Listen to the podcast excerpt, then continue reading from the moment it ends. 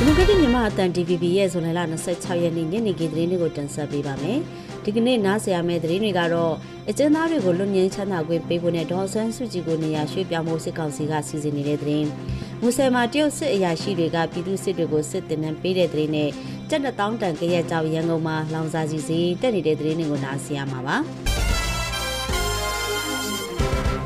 နိုင်ငံတော်တိုင်ပင်ခံပုဂ္ဂိုလ်တော်ဆန်းစုကြည်ကိုအာဏာသိမ်းစစ်ကောင်စီကနေပြီးတော့အကျဉ်းထောင်ကနေနေအိမ်တစ်လုံးမှာပြောင်းရွှေ့ချုပ်ထားဖို့စီစဉ်နေတယ်လို့လူကြုံရေးတာဝန်ရှိသူတို့ရဲ့ပြောဆိုချက်ကိုကိုးကားပြီး AP သတင်းမှာရေးသားဖော်ပြပါဗျ။ လာမယ့်သတင်းပတ်ကျင်းပဖို့ရှိတဲ့ဘာသာရေးဆိုင်ရာအခမ်းအနားတစ်ခုနဲ့ဆက်နွယ်ပြီးအကျဉ်းသားတွေကိုလွတ်ငြိမ်းချမ်းသာငွေပေးဖို့ရှိနေတာရဲ့ဒဇိမ့်တစ်ပိုက်ဖြစ်တော်ဆန်းစုကြည်ကိုအခုလိုပြောင်းရွှေ့တာဖြစ်ကြောင်းလူကြုံရေးအရာရှိသူကပြောဆိုတယ်လို့ဆိုပါတယ်။နေပြည်တော်မှာစစ်ကောင်းဆောင်တည်တဲ့မာရဝိဇ္ဇာကြောက်စစ်ဗုဒ္ဓရုပ်ပွားထိမ့်မှတ်အခမ်းအနားတစ်ခု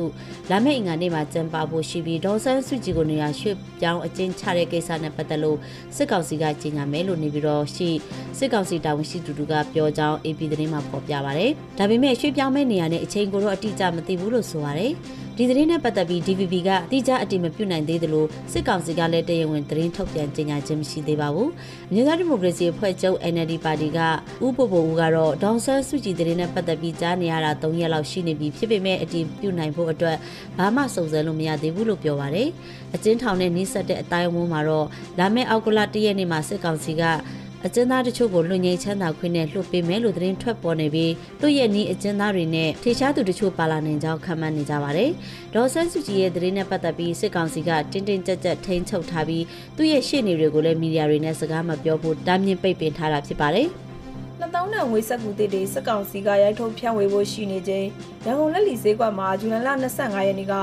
တ်ဆီ1လီတာကိုမြန်မာကျပ်ငွေ2300ကျော်ထိဈေးထပ်မံမြင့်တက်လာပါတယ်။ 73စီတင်သွင်းတူလောင်ဖြန့်ဖြူးခြင်းလုပ်ငန်းကြီးကြပ်ရေးကော်မတီကထုတ်ပြန်တဲ့တရားဝင်ညွှန်းစေးအရရန်ကုန်လက်လီဈေးကွက်မှာဓာတ်ဆီ92တလီတာကို2250ကျပ်ဓာတ်ဆီ95တလီတာကို2320ကျပ်ဒီဇယ်တလီတာကို2200ကျပ်ပရီမီယံဒီဇယ်တလီတာကို2285ကျပ်ထိဈေးမြင့်တက်နေပါတယ်။ ပြီးခဲ့တဲ့ဇူလိုင်22ရက်နေ့မှာရှိခဲ့တဲ့ဈေးနဲ့နှိုင်းယှဉ်ရင်ဓာတ်ဆီတလီတာကို30ကျပ်ကနေ85ကျပ်ဒီဇယ်တလီတာကို40ကျပ်ကနေ45ကျပ်အထိ3ရက်အတွင်းမြင့်တက်လာတာတွေ့ရပါတယ်။နယ်ဒေသတွေမှာတော့နေရာဒေသပေါ်မူတည်ပြီး73စီတလီတာကိုလက်လီဈေး2300ကျပ်ဝန်းကျင်ကနေအမြင့်ဆုံးကျပ်3100ကျော်ထိရောက်ရှိနေပါတယ်။ လက်ရှိမှာဗဟိုဘဏ်ရဲ့2000ကျပ်တန်ဝေဆက်ကူအသေးထုတ်မယ်ဆိုတဲ့ကြေညာချက်ကြောင့်မြန်မာငွေတမိုးရုတ်တရက်ကျဆင်းပြီးအိမ်ချမ်းမြေကားရွှေနဲ့နိုင်ငံခြားငွေဈေးကွက်ကိုကမောက်ကမဖြစ်စေခဲ့တာကြောင့်အများစုကအယောင်းတွေရပ်နာထားကြပါတယ်။73စီကလည်းပြည်ပကနေနိုင်ငံခြားငွေနဲ့ဝယ်ယူတင်သွင်းရတာဖြစ်လို့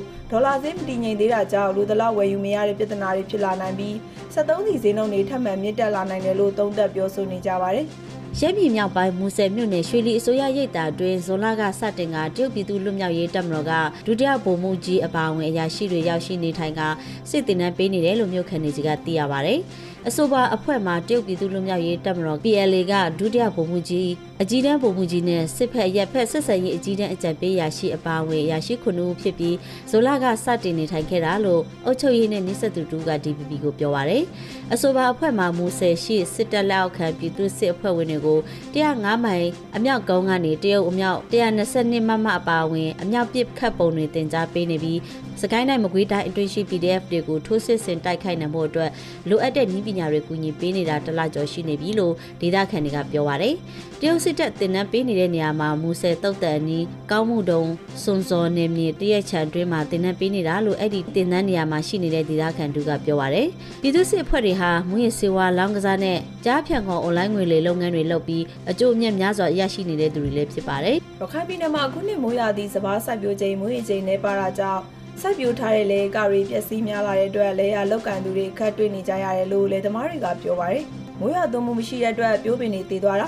မြေတွေပက်ကြအပ်လာတာထုံရမ်းမရတော့တာစတဲ့အခက်အခဲတွေကြုံနေရတယ်လို့ညောင်ဦးမြို့နယ်မှာလေသမားတူကပြောပါတယ်။ဒါအပြင်ပျက်စီးသွားတဲ့လေယာမြေတွေအတွက်စပားပင်တွေပြန်လည်စိုက်ပျိုးရမယ့်အပိုင်းမှာလည်းမျိုးစပားလိုအပ်မှုအခက်အခဲရှိနေတယ်လို့ကြောက်တော်မြို့နယ်ကလေသမားတူကဆိုပါတယ်။ရခိုင်ပြည်နယ်မှာပြီးခဲ့တဲ့2022ခုနှစ်မိုးရာသီကလည်းမိုးရေချိန်နှဲပါတာကြောင့် တပြည်နယ်လုံးတိုင်းတာအနေနဲ့စိုက်ပျိုးထားတဲ့လေကတဝက်ခန့်ပျက်စီးဆုံးရှုံးခဲ့ပါတယ်။ထိုင်းနိုင်ငံအလဲပိုင်းအန်ထောင်းခရိုင်ပါမုံမြို့နယ်အစိုးရလေတန်းကျောင်းတစ်ကျောင်းကအထောက်ထားမဲ့ကလေး116ဦးကိုခရိုင်လဝကရဲတပ်ဖွဲ့ကဒီလဆမ်မန်ကဖမ်းဆီးပြီးမြန်မာနယ်စပ်ကိုပြန်ပို့လိုက်တယ်လို့သူတို့ကိုလက်ခံပညာသင်ပေးနေတဲ့ပညာရေးဝန်ထမ်းတွေနဲ့ရွာသူကြီးတွေကိုပါအမှုဖွင့်တရားစွဲထားပါတယ်။ထိုင်ရဝိထယအမတ်6ကျောင်းအောင်ဆရာမကြီး ကလျာထားစုံနဲ့ဆရာဆရာမ၄ဦးရွာသူကြီး2ဦးနဲ့စုစုပေါင်း6ဦးတို့ဟာတရားမဝင်သူတွေကိုထိုင်းနိုင်ငံထဲကိုခေါ်သွင်းမှုခေါ်လုံခွင့်ပေးထားမှုနဲ့ခရိုင်လဝကရဲတပ်ဖွဲ့ရဲ့အမှုဖွင့်တရားစွဲဆိုခံနေရတာပါ